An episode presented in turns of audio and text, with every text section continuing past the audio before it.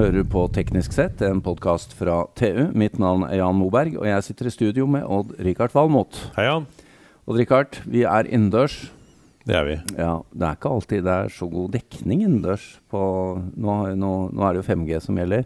Det varierer veldig, selvfølgelig. Ja. Altså Én ting er jo at 5G har jo da er på høyere frekvensbånd, som gjør at det kanskje er vanskeligere å, at det bærer kortere.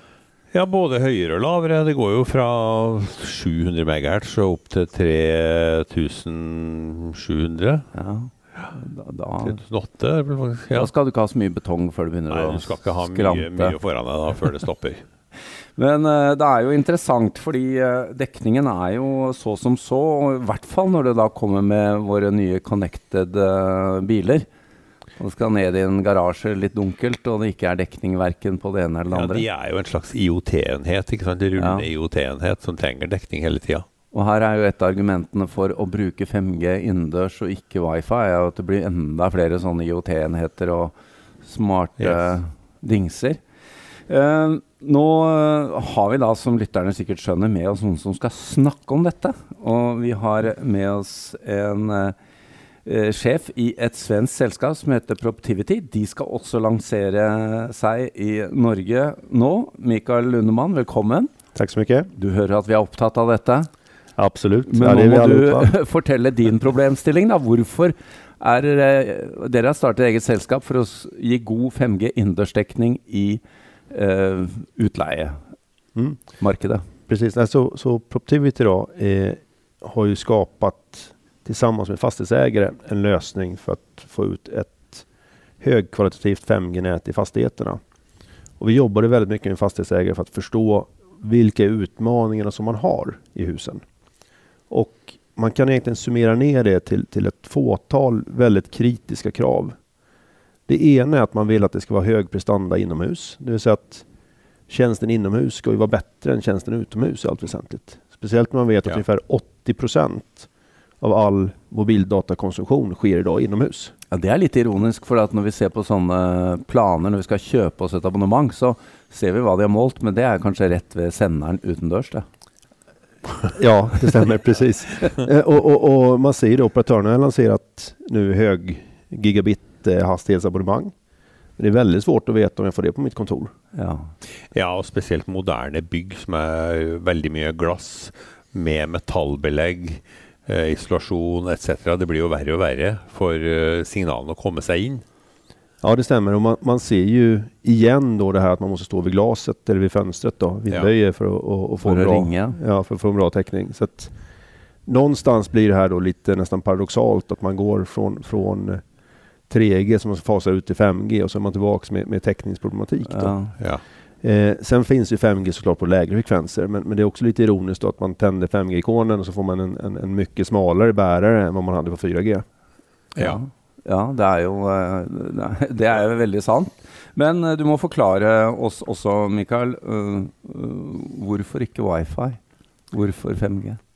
Nej men alltså wifi finns. Jag tror att eh, man ska inte säga att wifi inte behövs. Det finns ett antal use case och, och, och situationer där wifi behövs. Men jag tror det som är nytt är att du kanske inte måste ha wifi.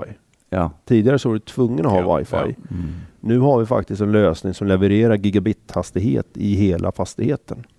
Samt at det er flere integrerte tjenester selvfølgelig på 5G-plattformen. Ja, precis. Och, Mm. och du som slutkund, ja du har ju ditt abonnemang. Du behöver inte logga in på någon wifi för att du kommer som besökare till något annat företag. Eller om du går och handlar på, på, på en affär och du inte har täckning i affären men du ska betala med, med, med mobilen. Ja.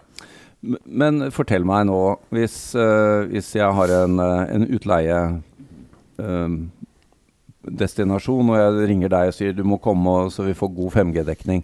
Går du da til Telenor, da, sånn at det kun er eh, de Telenor-kundene besøkende hos meg som får god dekning, og de andre må roame på et litt dårlig nett, eller hvordan fungerer dette? Ja, precis. Om vi, om vi, eh, om vi tittar på vår modell då, är att vi bygger då de här högkvalitativa 5G-näten. Vi gör på ett sådant sätt så att fastighetsägaren har en, en förutsägbarhet, säga att de vet att det är täckning i, på de olika våningsplanen, i garaget etc. Och sen så bjuder vi in alla operatörer att koppla upp sig på det här. De gör det med sina egna frekvenser. Så det vill säga att för slutkunden så är det helt sömlöst. Det vill säga Ja, att riktigt. du kan komma utifrån och in och kommer, du kommer inte märka av det. Det är faktiskt hela Unix selling point. Att det kommer funka så otroligt bra på det sättet vi bygger. Och vi bygger då med, med eh, aktiva celler. Vilket är det nya med 5G där du har egentligen krav från standarden och från, från de fysikaliska lagarna på de högre frekvenserna. Att du måste gå mot mer och mer aktiv utrustning. Så att vi, Som betyr at du utnytter Mimo. Ja, precis. Vi har, har eh, fyra MIMO-stöd till exempel i, i, i antennerna. Och det gör ju då att du får de här gigabit-hastigheterna inomhus. Och i och med att vi planerar upp hela nätet så vet vi också att det täcks i varenda hörn. Så du kan få gigabit-hastighet. Och det här är lite nytt då kan man säga. Att helt plötsligt så vet du att du har en bra inomhustäckning som fastighetsägare. Och du kan berätta det för dina hyresgäster eller potentiella hyresgäster att jag har gigabit-förmågor inne på kontoret. Och då kan alla operatörer koppla in sig i den plattformen. Då. Men det betyr at i tre, det man kaller for 3,5 gigahertz, da, så, så har dere alle båndene, og de er vel på rundt 80-100 megahertz hver. Dere forsterker alt. Ja, precis. Vi, vi eh, typiskt sett då, eh, och vi har en väldigt bred frekvensportfölj, men vi kan täcka det som kallas för N78, så 3,5 GHz då lite förenklat för Ja. 5G. Eh, typiskt sett har vi sedan med band 7 som är på 2,6 GHz och band 3 som är på 1800. Det här brukar vara de mest vanliga bestyckningarna, men vi kan bestycka med 900 eller 2100 också. Ja, Om det riktig. krävs. Men du, har, dere har ikke 4G? Eh, Jo. Jo, vi har 4G och 5G. Så når du sier 5G, så er det også 4G og Ja, 5G? altså. Det följer med, Riktigt. absolut. Nå skjønte jeg det på, på slik du legger det fram, Mikael, at dere lager da et dekningskart i min utleie-skyskraper. Så, så jeg vet på forhånd hvor jeg får dekning og ikke, og kan justere. Precis, så vi sitter ju ner med fastighetsägaren och planerar igenom vilken, Ja. vilken täckning ska vara i garaget. Ja, det kanske vill ha gigabit-hastighet hela vägen för vi har uppkopplade bilar, vi kanske har eh, lastbalansering för kraft etc. som ska vara där. Vi kan ha videoövervakning etc. Medan på andra teknikrum kanske det räcker med 100 megabit. Så att vi planerar upp det. Men det viktiga är att fastighetsägaren kan ju då med gott samvete säga till sin slutkund att här har vi faktiskt förberett att du ska kunna få gigabithastighet, Alla operatörer är inbjudna. Eh, men det är också så att de kan driva sin egna byggnadsautomatisering. De kan få ut sensorer, de kan få ut Ja. IR-övervakning, allting. Så det erstatter eh, det andre eh, stamnettet for wifi, eller hva du ville brukt, eller kabling for den ja, skyld. ja, Mm. precis. Och, och, och här ser man ju också en stor fördel vad gäller miljötänk. Då, att, I och med att vi bygger ett nät och vi får ut gigabit-hastigheter på det. Och vi behöver koppla upp ungefär en punkt per ungefär 300 kvadratmeter. Så blir det väldigt, väldigt mycket mindre kablering. Mm. Du får väldigt mycket mindre energiförbrukning etc. på de här näten. Så att det är en väldigt viktig plattform att få ut.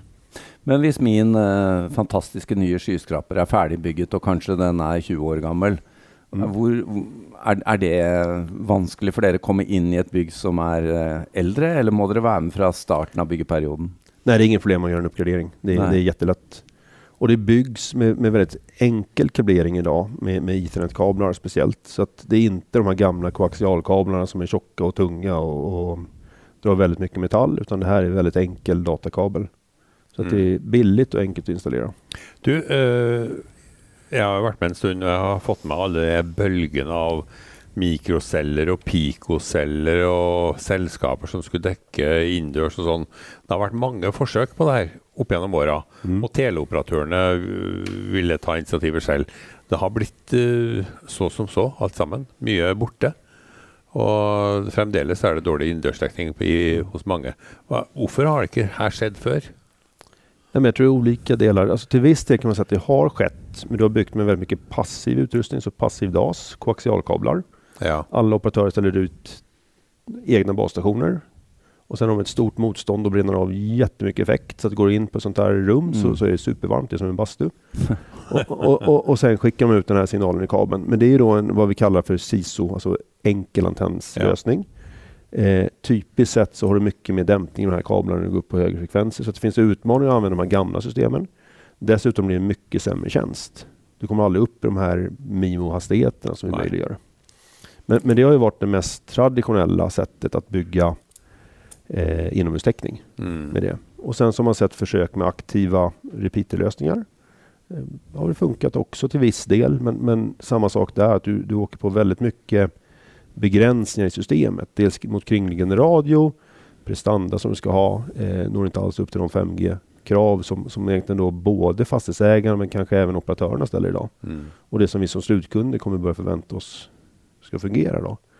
Så att den lösning som kommer nu med, med en, en som kallas för MORAN, en multoperatörs radioaccesslösning, är ju det som möjliggör att du kan ha dels eh, en, en, bra kvalitet på tjänsten hela vägen som operatör, men också att du som, som eh, eh slutkund kan forma de höga hastigheterna.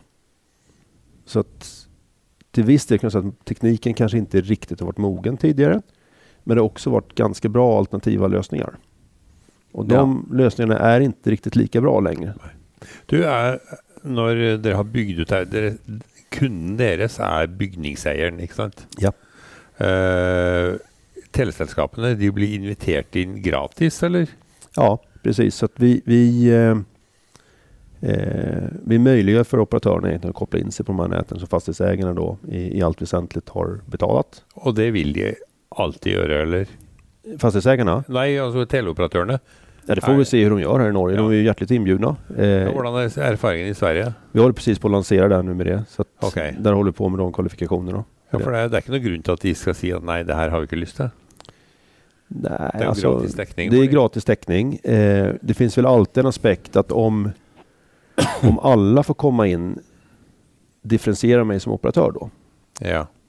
Eh, den frågan kan man ju ställa sig. Jag tror ju att man som operatör, om man då levererar världens bästa täckning inomhus tack vare oss och du har världens bästa utomhusnät mm. och du har en säljkår som faktiskt förstår Enterprise.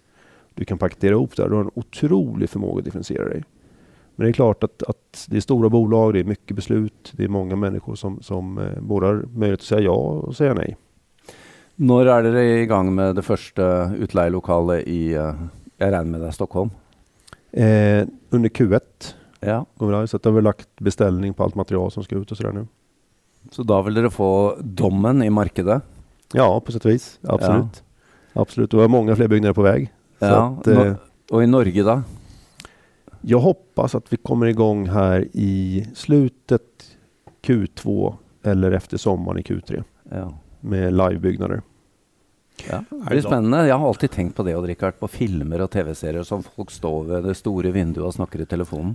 Det var en gimmick, men det är ju så det har varit. ja, det är det. ja, du, det är sånt. Men när du däcker en bygning, däcker det då hela byggningen? Det, eller är det liksom några etager och Nej, vi avser generellt att täcka hela byggnaden. Sen kan det finnas anledning att inte täcka vissa våningsplan. Eh, om det är någon hyresgäst som prompt, eh, om det kan vara ett labb som har någon eh, någon utrustning som störs ut av, av frekvenser eller någonting. Men, men generellt sett så täcker vi hela byggnaderna. Det, det är som eh, i alla fall hittills eh, ambitionen från fastighetsägarna att ha täckning. Ja, och nå med, i vart fall i de bygg som har garage med ladare och intelligenta bilar så må det, det kommer att bli stor ja, ja. efterspörsel. Absolut.